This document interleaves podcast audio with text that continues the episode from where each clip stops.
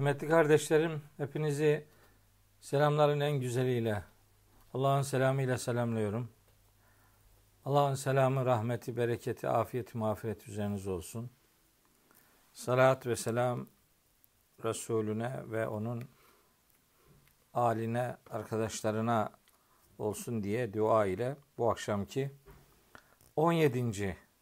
programımıza başlıyorum. Bugün e, konuşmayı istediğim konu konular yine beş sorudan oluşuyor. Bunları yine sorulma sıklığına e, dikkat ederek tespit etmeye gayret ettim.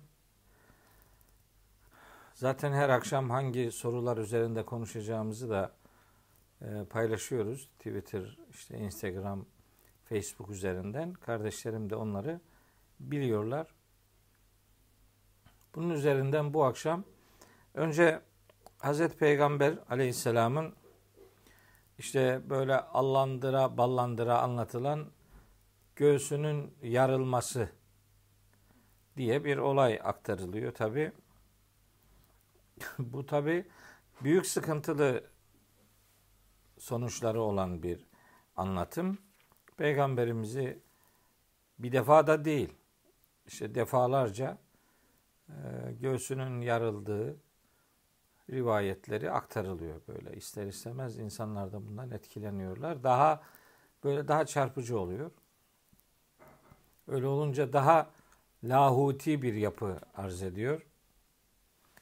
Ee, daha lahuti bir yapı arz ediyor. Dolayısıyla ismi böyle bu tür anlatımları biraz daha e, ballandırırsak daha çok dinleyici, daha çok izleyici olur e, hesabıyla aktarılıyor. Şimdi bu mesele ciddi olunca acaba Kur'an'da buna dair bir bilgi var mı? Yok mu? E, bu kadar önemli bir şey ise Kur'an'da buna dair bilgi olması lazım. Fakat doğrudan bilgi bulamadıkları için bu defa bazı ayetleri sağa sola çekip duruyorlar. Öyle enteresan şeyler yapıyorlar ki Allah'ın kitabını tanınmaz hale getiriyorlar. Cidden üzgünüm. Yani üzgünüm ama bunu yapıyorlar maalesef. Ne diyelim? Biz Kitabullah'ta olanla ilişkili olarak konuşalım. İnanan inanır, inanmayan diğer, diğer hikayelere inanmaya devam etsin. Herkes hesabını kendisi Allah'a verir, Allah'a verecektir. Olay ne? Olay peygamberimizin işte çocukluğundayken işte bir gün evden az uzaklaştığında e, Cebrail aleyhisselam gelmiş peygamberimizi almış götürmüş.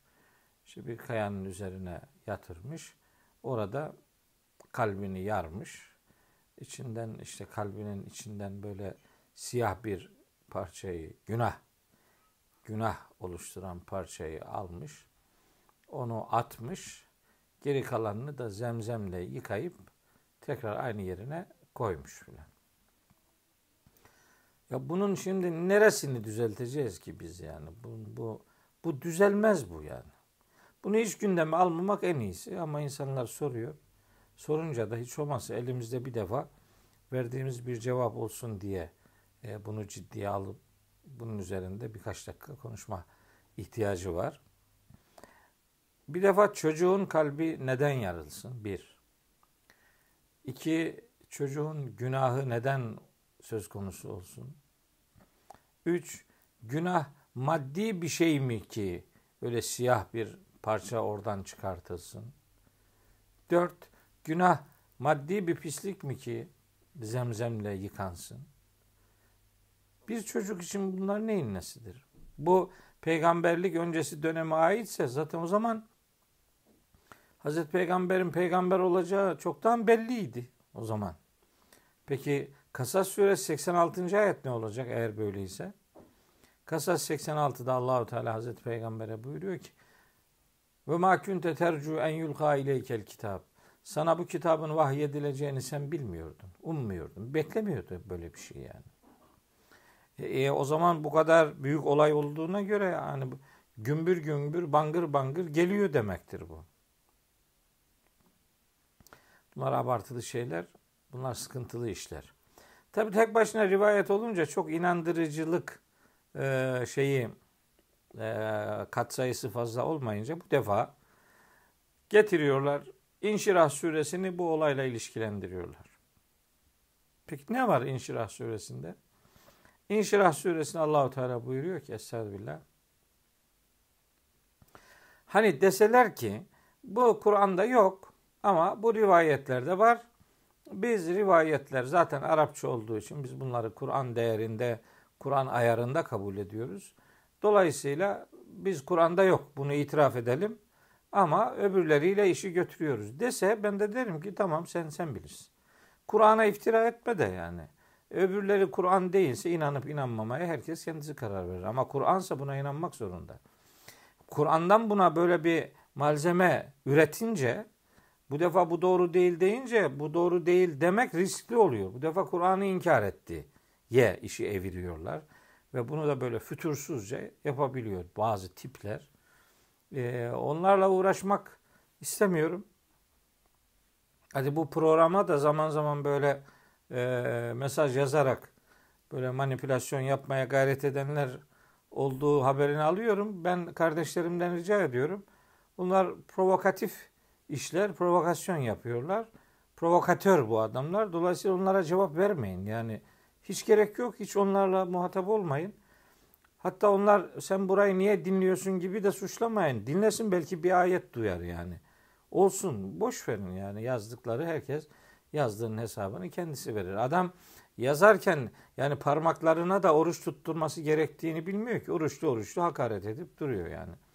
Böyle yüzüne karşı bir şey diyemiyor. Oradan nasıl olsa kim olduğu belli değil. Savur dur yani savurup duruyorlar. Yani onlara e, aklınızı ve zamanınızı ayırmamanızı e, rica en söyleyeyim. Aklınıza ve zamanınıza yazık etmeyin. Değmez. Cidden değmez yani. Ben onları bilebildiklerimi zaten engelliyorum. Göremediklerim zaten görmedim gidiyor yani. Sonra da kızıyor diyor ki niye engelledin bizi? Niye engellemeyeyim hakaret edip duruyorsun. Laf dinleyecek halin yok ki seninle mi uğraşacağım? Yani ben bana itibar eden kardeşlerimle Kur'an'ı konuşuyorum. Sen de istersen dinle, istemezsen dinleme. Allah'a mı saldılar seni yani gel burayı takip et diye öyle bir şey yok. Onlara itibar etmemenizi tavsiye ederim. Şimdi bu İnşirah suresini bu işle ilgili kullanıyor. Halbuki İnşirah suresinin onunla alakası yok. Hiç alakası yok. Yani biliyor musunuz? Zerre kadar alakası yok. Nasıl Allah'ın ayetlerini bu tür söylemlere alet ediyorlar? Ben bunu bir türlü anlamış değilim. E peki ne diyor İnşirah suresi? Bir taraftan da diyorlar ki İnşirah suresi Duha suresiyle beraber indirilmiştir. Tamam. O zaman Duha suresini de okumak gerekiyor. Sadece inşirahlı olmaz bu.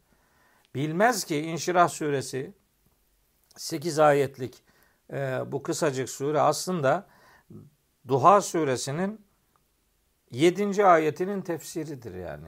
Ve vecedeke dallen feheda. Allah seni şaşkın bulmuş ve şaşkınlığını gidermiş sana hidayet etmişti. Peygamberimizin şaşkınlığı peygamber olmadan önceki Mekke'deki ağır ahlaksız yapı ile alakalı duyduğu sıkıntıydı. Bu sıkıntıya kitabi bir cevap veremeyeceği için çünkü peygamber değil, o zamanki dini metinlerle haşir neşir içli dışlı değil, dini bir entelektüel değil, onun üzerinden herhangi dini içerikli bir e, plan, proje, çözüm sunamıyor. E, dedesinden bildiği şehir mağarasına çıkıyor orada tefekküre dalıyordu. Hatta Mekkeli müşrikler de Peygamberimizin o durumu için yani aşıka Muhammedun Rabbehu derlermiş yani. Muhammed Rabbine aşık oldu filan diye. O ahlaksız e, ortamdan bir arayış anlamında Hira'ya sığındığını biliyoruz. E, efendim bunu Hira zaten arayış demektir kelime olarak. İşte o şaşkın hali onu Hira'ya çıkarttırıyordu. Allahü Teala vahiy göndererek ona hidayet etti, ona yol gösterdi ve arkadaşsız olan Hazreti Peygamber'in Cebrail ile arkadaş olması böylece sağlanmış oldu. Yani arkadaş fakiri olan peygamber en büyük arkadaşla Cebrail aleyhisselamla arkadaş kılındı. Onu anlatıyor. Ondan sonra üç tane uyarı da bulunuyor Allahu Teala. Diyor ki Femmel yetime fela tekar. Onu yetim bulmuş ve onu bakımını sağlamıştı. Şimdi sakın ha yetimi e, ezmeyesin. Ve emmessaile felâ tenher. Sakın ha soru soranları azarlamayasın. Burada es-sail soru soran demektir. Bir şeyler dilencilik yapan anlamında değil, soru soran. Niye? Çünkü o şaşkın haldeyken, arayış içindeyken Allahü Teala onun sorularını cevaplamak üzere vahiy ile buluşturmuştu. Bu da onun uyarısıdır. Şimdi sana biri soru sorarsa sakın ha onu azarlamayasın ve Rabbinin nimeti sayesinde gerçeği hatırlat diyor.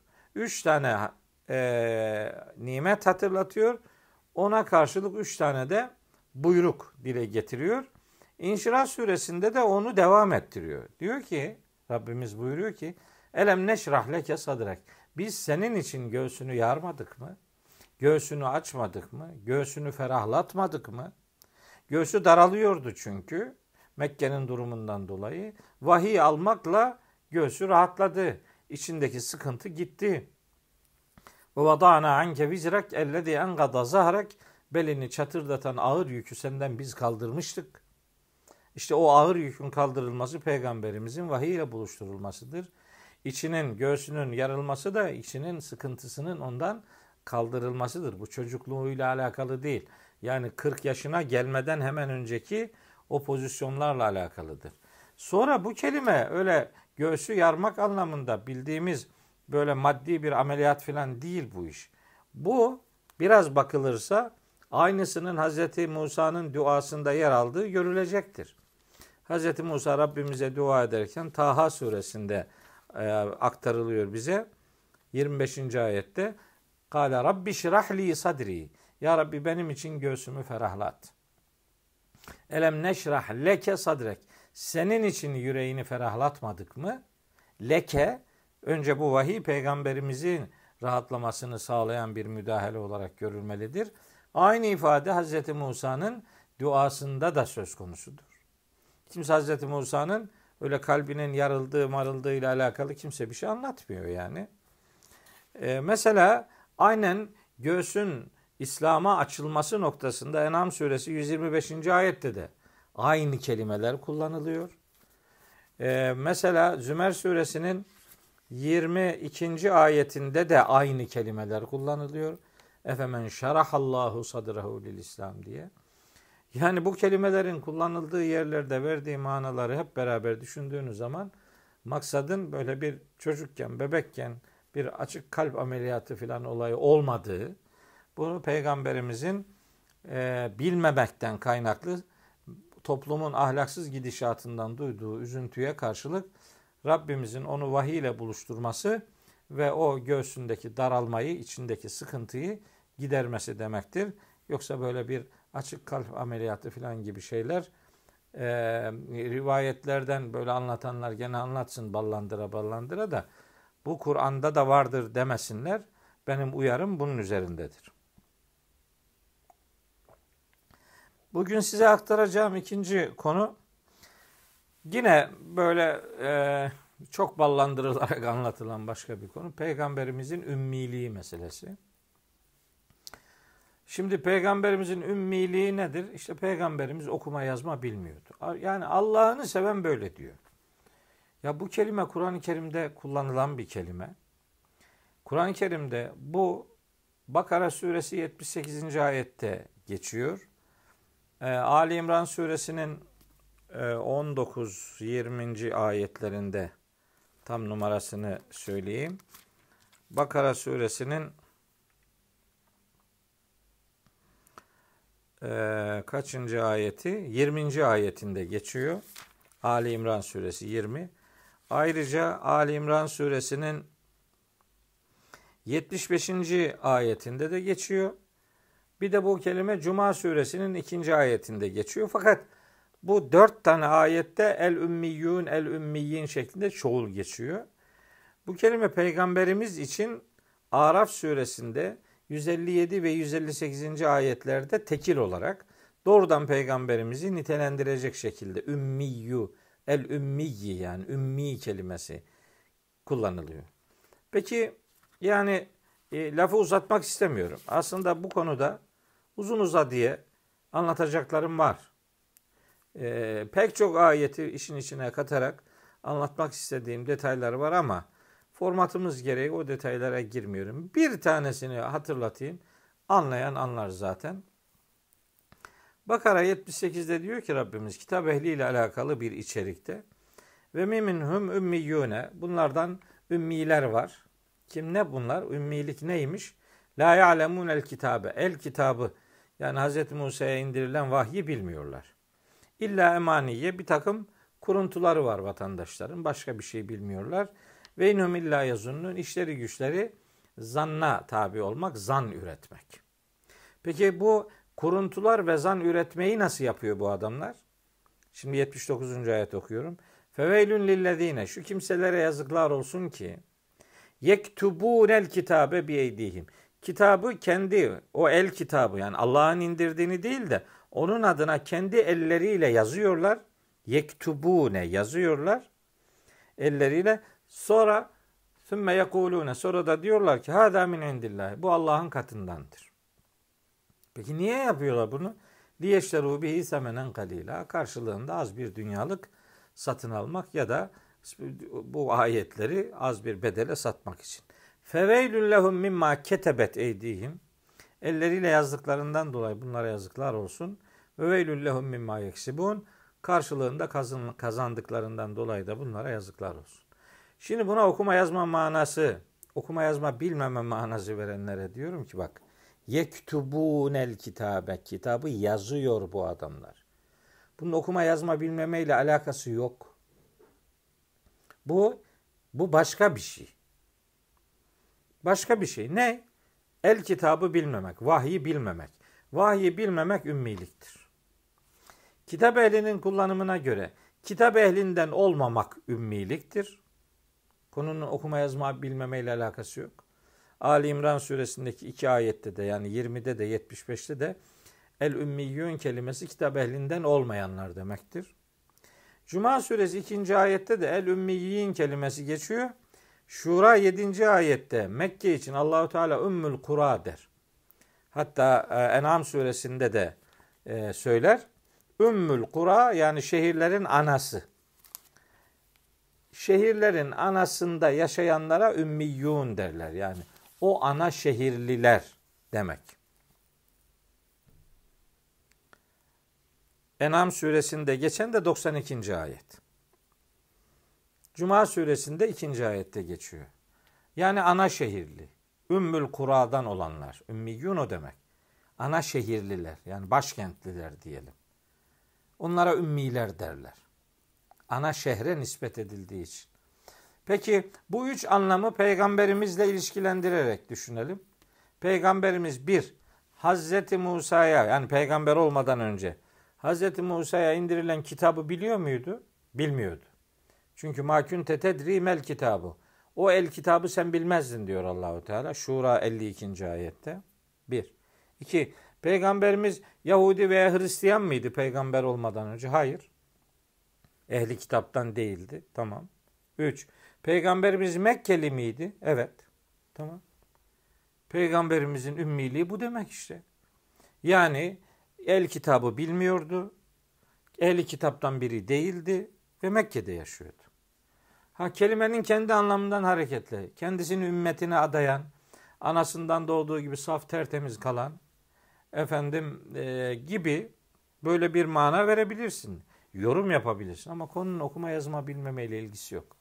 Ankebut suresi 48. ayeti bununla ilişkilendirerek diyorlar ki ayet ve ma kunte min qablihi min kitabin. Sen Kur'an'dan önce konu Kur'an. Mekkelilerin karşı çıktıkları da peygamberimizin vahiy adına söyledikleridir. Din adına söyledikleridir. Bir Mekkeli olarak söylemleriyle problemleri yok onların. Hazreti Peygamber ticaret yapıyordu. Nasıl yapıyordu bütün bunları? Böyle bir şey olabilir mi yani? E, hiçbir şey bilmiyordu. Öyle mi yani?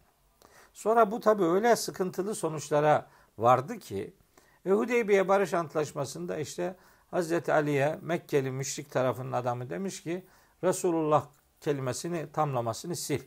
Pe Hazreti Ali silmemiş. Peygamberimiz demiş ki nereyi silmeni istiyorlar? O da göstermiş. İşte sil demiş. Peygamberimiz Hazreti Ali'ye sil demiş. O gene silmemiş. Nasıl ne demek yani ya? Yani bizim bizim Hazreti Ali bilgimiz bu değilken peygamberimiz ona bir şey diyecek o da yapmayacak öyle mi yani? Sonra demiş işte göster o da göstermiş. Peygamberimiz silmiş. Bir rivayete göre kendisi yazmış. Bir rivayete göre de yazısı güzel olmadığı için başka yazısı güzel olan birine yazdırmış. Hadi beraber düşünelim bakalım. Hangi iki kelimeyi sildirmiş ve hangi iki kelimeyi yaz, yazmayı bilmiyormuş yani Resulullah. Yani biri Allah, biri de Resul. Yani 21 yıl bu vahyi insanlara tebliğ eden Hazreti Peygamber üstelik de döneminin en zeki insanı, fetanet sahibi, en zeki insan. Evet. O en zeki insan 21 sene tebliğ ettiği kitabın ana iki konusunu oluşturan kelimelerin biri Allah, biri Resul. Bunu bilmiyordu diyorsun ve mutlu oluyorsun. Öyle mi yani? Hayret ediyorum ya. Bu dediğim rivayetler de Buhari'de var. Yani peygamberimizin kendisinin yazdığı veya yazısı güzel olmadığı için başkasına yazdırdığı ifadeleri var zaten. E, peygamberimiz bu anlamda ümmi değildi deyince diyor ki aa bak ayeti inkar etti. La havle ve la kuvvet. Ya ümmi değildi diyen yok. Ümmilik sen yanlış anlıyorsun. O demek değil. Ümmilik kendisini ümmetine adayan, peygamber olmadan önce Tevrat'ı bilmeyen, ehli kitaptan olmayan, Mekke'de yaşayan kişi demek. Yani peygamberimiz tabii ki ümmiydi. Ama o okuma yazma bilmemeyle ilgili değil. Ankebut 48'de sen Kur'an'dan önce herhangi bir kitap okumamışsın. Hangi kitap okumamış? Herhangi bir kitaptan kasıt herhangi bir yazı demek değil. O kitabın hangi kitap olduğunu Şura 52'de Allahu Teala anlatıyor. El kitap.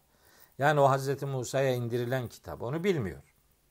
Öyle bir dini sunumu yok. Öyle bir dini tecrübesi yok. Öyle bir dini entelektüel sunum yapmamış hiç. Onu bilseydi zaten Hira'ya niye çıkacaktı ki oradan millete anlatırdı. Yok böyle bir tecrübesi yok. Ve la tahudduhu bi yeminike. Öyle bir kitaptan okumadığın için bu kitabı Kur'an'ı da elinle yazmıyorsun zaten. Oradan alıp aktarmıyorsun. İden lertabel mubtulun. Eğer öyle bir şey olsaydı zaten bunların hepsi şüpheleri ayyuka çıkardı diyor. Peygamberimizin okumadığı kitap vahiy adına olan kitap. Yoksa herhangi bir metni okumama, yazamama filan değil ilgisi yok.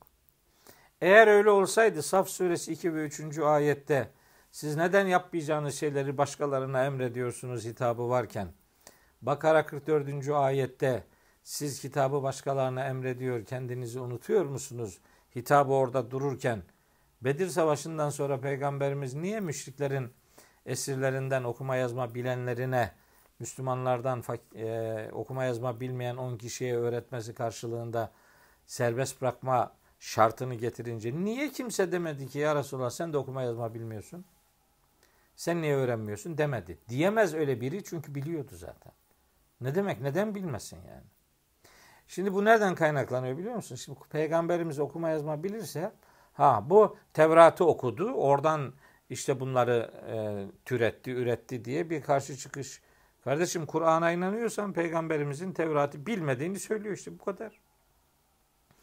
Yani peygamberimizin Tevrat'ı okumamasını ispat edeceğiz diye onun hiçbir şey tanımadığını, üstelik Allah ve Resul kelimelerini tanımadığını söylemek iş mi yani şimdi? Bu böyle mi oluyor? Türkiye'de mesela okuma yazma bilenlerin oranı yüzde 95'ten fazladır. Yani bu okuyabilen, yazabilen, alfabeyi bilen anlamında bir orandır. Ama Türkiye'de okur yazar oranı yüzde beş bile değildir. Türkiye'de okur yazar oranı ifadesiyle kastedilen gündelik yayınları takip eden ve o yayınlara yazıyla katkı veren entelektüel insanlar demektir. Okur yazar olmamakla okuma yazma bilmemek birbirine karıştırıldı. Sonra da peygamberimiz okuma yazma bilmeyen biri diye lanse edildi ve bunun üzerinden de hem kendisi okuma üzerinde hem ikra diye başlayan bir kitabın muhatabı Hazreti Peygamber hem satır satır yazılanlar herkesin şahidi olacaktır diye Kalem suresinin ayetleri hem kıraatle ilgili şu kadar buyruk insanlara aktaracak sonra da kendisi okuma yazma bilmeyecek. Bu doğru bir algı değildir. Ama peygamberimiz elbette ümmidir. Fakat ümmilik zannedildiği gibi okuma yazma bilmemek demek değildir. Üçüncü soru bu akşam sizinle paylaşmak istediğim. Ee, Allahu Teala kainatı kaç günde yarattı sorusunu da e, cevaplamak gerekiyor. Kur'an'da çeşitli ayetlerde 6 veya 7 ayette e, Allahü Teala'nın gökleri yeri ki bu ifade gökler yani üzerimizdeki yüksekler alemi demektir. Bu bütün uzayı içeren bir kavramdır. Bu bütün uzayı Allahü Teala ve yeryüzünü insanın meskun olduğu coğrafya olması itibariyle 6 günde yarattığını söylüyor. Sitteti eyyam. 6 gün. İşte bu Araf suresinde var, Yunus suresinde var, Secde suresinde var, Fussilet'te var vesaire. Hatta işte Kaf suresinde var. Sitteti eyyam, 6 gün. Şimdi şunu düşünmek zorundayız. Öyle bir dönemden söz ediyoruz ki henüz güneş de yok. Güneşin olmadığı, uzayın olmadığı dönemle alakalı gün diyor Allahu Teala. Anlaşılıyor ki bu bizim bildiğimiz 24 saatlik zaman dilimi değil. 24 saatlik zaman diliminin bir anlam ifade edebilmesi için güneşin olması lazım. Yeryüzünün olması lazım. Onun e, e, kendi ekseni etrafında ve güneşin etrafında dönmesi lazım ki değil mi bu zaman kavramı otursun. Bunların henüz olmadığı zaman e, içinde kullanılan eyyam kelimesi dönem, evre demektir. Bir aşamalı yaratılıştan söz eder Allahu Teala. Bu detayı verir.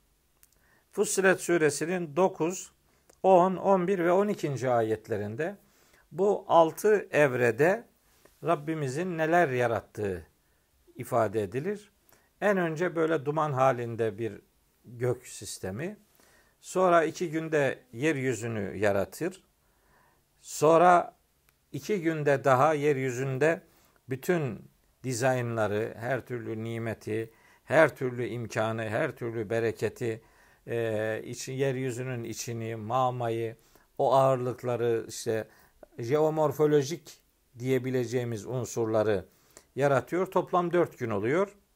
Sonra duman halindeki göğe yöneliyor ve o göğü de iki günde yedi kat olarak e, düzenliyor Allahu Teala.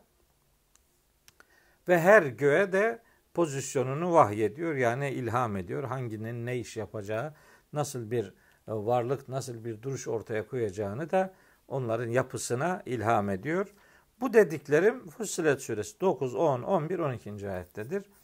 Bu altı evre, altı dönem, altı aşama ifadesini bilerek kullanıyoruz. Çünkü Allahu Teala yaratılışa başlamaktan ve yaratılışı iade etmekten söz eder çeşitli ayetlerde. Öyleyse bir anda kün feyekün denen şey Allahu Teala'nın bir şeyin olmasını istediğinde ona ol demesidir. O ol dediği şeyi hemen oluşmaya başlar. Feyekün yekün ifadesi oluş bildirir, süreç bildirir. Hemen başlar. Efendim Allah bir anda ol dese hemen olmaz mı? Tabi olurdu ama böyle yarattı Rabbimiz. Her oluşun her aşamasını yaratan Allahü Teala'nın her aşamayı yaratıyor oluşu kudretinin daha bir erişilmez, daha bir eşsiz olduğunu ispatlamak için önemli bir bilgidir. Herhangi bir acizlik, herhangi bir yorulma, herhangi bir bıkkınlık, herhangi bir usanmanın kesinlikle söz konusu olmadığını da zaten şeyde Kaf suresinin e, kaçıncı ayetinde 38. ayetinde ve yine Kaf suresinin 15. ayetinde Rabbimiz ifade ediyor. Ayetel Kürsi'de de var. Ve la yeuduhu hifzuhuma onları efendim muhafaza etmek, korumak Allahu Teala için herhangi bir zorluk içermemektedir diye de meseleyi Rabbimiz ortaya koyuyor. Bu aşamalı yaratılışı bu vesileyle sizlerle paylaşmış olayım istedim. Bu akşam dördüncü soru olarak Kur'an neden Arapçadır? Çok kısa cevap veriyorum. Böyle Arapça kutsal bir dil olduğu için filan değil. Eğer öyle olsaydı Tevrat da Arapça gelirdi, İncil de Arapça gelirdi, e, Zebur da Arapça gelirdi. Hz. İbrahim'e verilen vahiy de, bütün peygamberlere verilen vahiy de Arapça olurdu. Böyle bir şey yok. İbrahim suresinin dördüncü ayeti cevap için son derece nettir. Estağfirullah. Ve ma arsalna min rasulin illa bilisani kavmihi liyubeyyine lehum. Biz gönderdiğimiz her bir elçiyi kendi kavminin diliyle gönderdik ki onlara açıklamada bulunsun. Yani gerçeği onlara duyursun. Dolayısıyla Arapça kutsal bir dil olduğu için değil. Asla öyle bir şey yok. Hatta işte Güya Peygamberimiz demiş ki Arapları çok sevin. Ya Arapları çok sevin ne demek yani? Öyle der mi peygamberimiz? Ebu Cehil de Arap'tı yani şimdi o, o mu yani? Yani işte Kur'an Arapça olduğu için tabi ilk muhataplar Araplar olduğu için Kur'an Arapça geldi. E, yani ilk muhataplar Arap değil başka milletten olsalardı Kur'an'ın dili de o dilden olacaktı canım.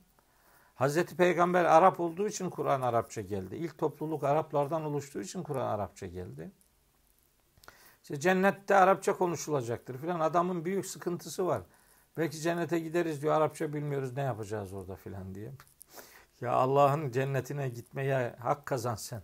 Orada konuşacak bir dil bulursun. Orada cennetçe zaten konuşulacaktır. Ne demek yani? Orası hal, halin dile geldiği bir ödül mekanıdır. Ne isterse Allahu Teala insanoğluna orada cennetliklere verecektir. Sen dil istediğinde hemen bütün organların zaten konuşacak kardeşim. Öyle bir derdin olmasın. İbrahim suresi 4. ayet bu sorunun tek cümlelik cevabını oluşturmaktadır. Beşinci soru olarak bu akşam dedim ki namaz e, Kur'an indirildikten sonra mı emredildi? Bakın namaz ibadeti insanlık tarihi kadar eski bir ibadettir. Yani Hz. Adem döneminden itibaren bütün peygamberlerin ilahi buyruklar aktardığı bu sistemin vazgeçilmez temel direklerinden biri namazdır.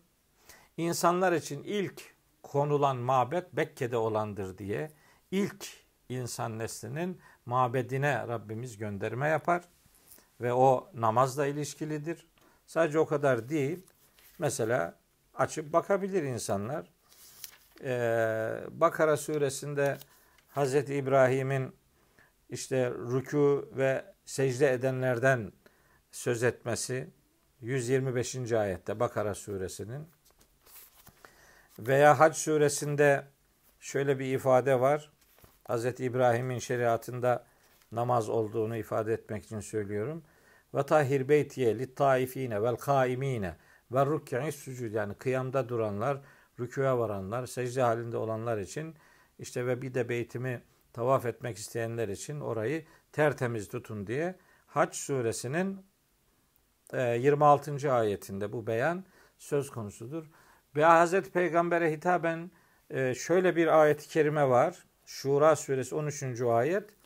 Orada buyuruyor ki Yüce Allah. Şer'a aleküm mined din ma vassa bihi Nuhan vellezî evhayna ileyke ve ma vassayna bihi İbrahim ve Musa ve İsa en ekimud dine ve la teteferrakû fihi.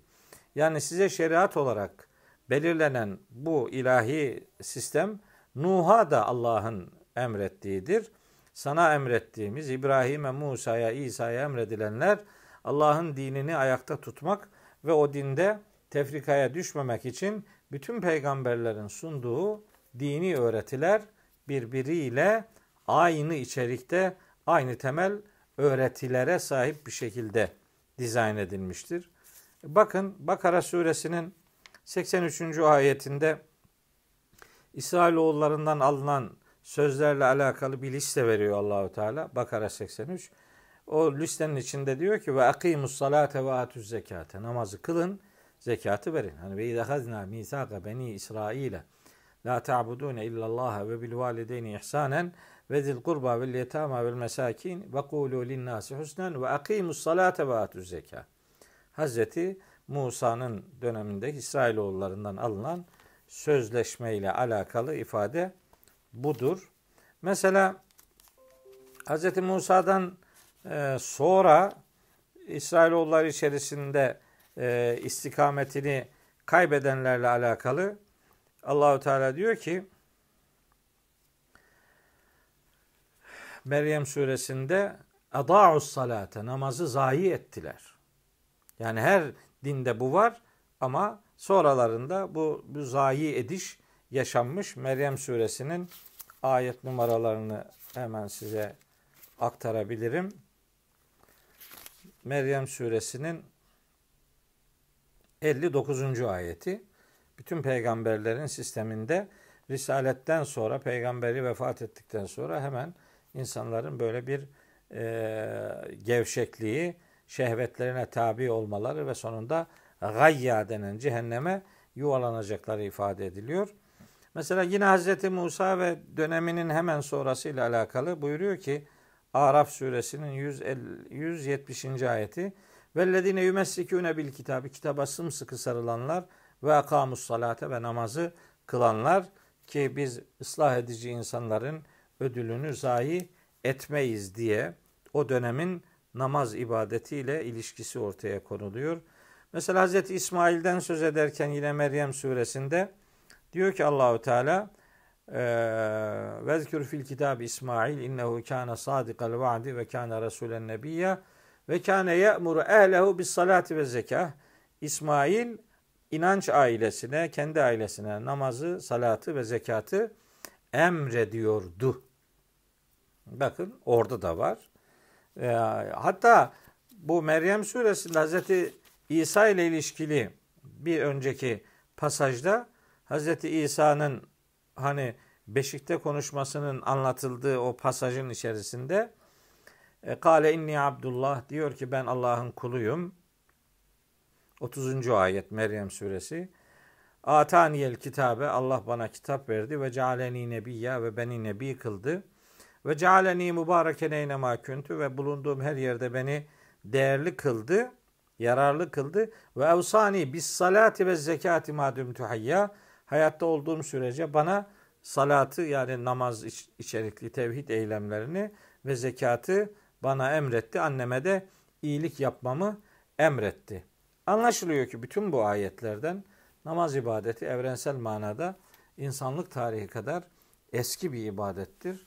Dolayısıyla içeriği itibariyle de kıyamından rükusuna, secdesine varıncaya kadar peygamberler tarihinin ortak ibadeti olarak namaz ibadetinin emredilmiş olduğunu bu vesileyle e, beyan edeyim. Namazın şekliyle alakalı bir takım bozulmalar meydana gelince Rabbimiz onun detayını yeniden bir peygamber örnekliğinde gündeme getirmiş ve hakikat aslına döndürülmüştür. Kur'an'da da bu noktada verilen bilgiler nihai bilgilerdir.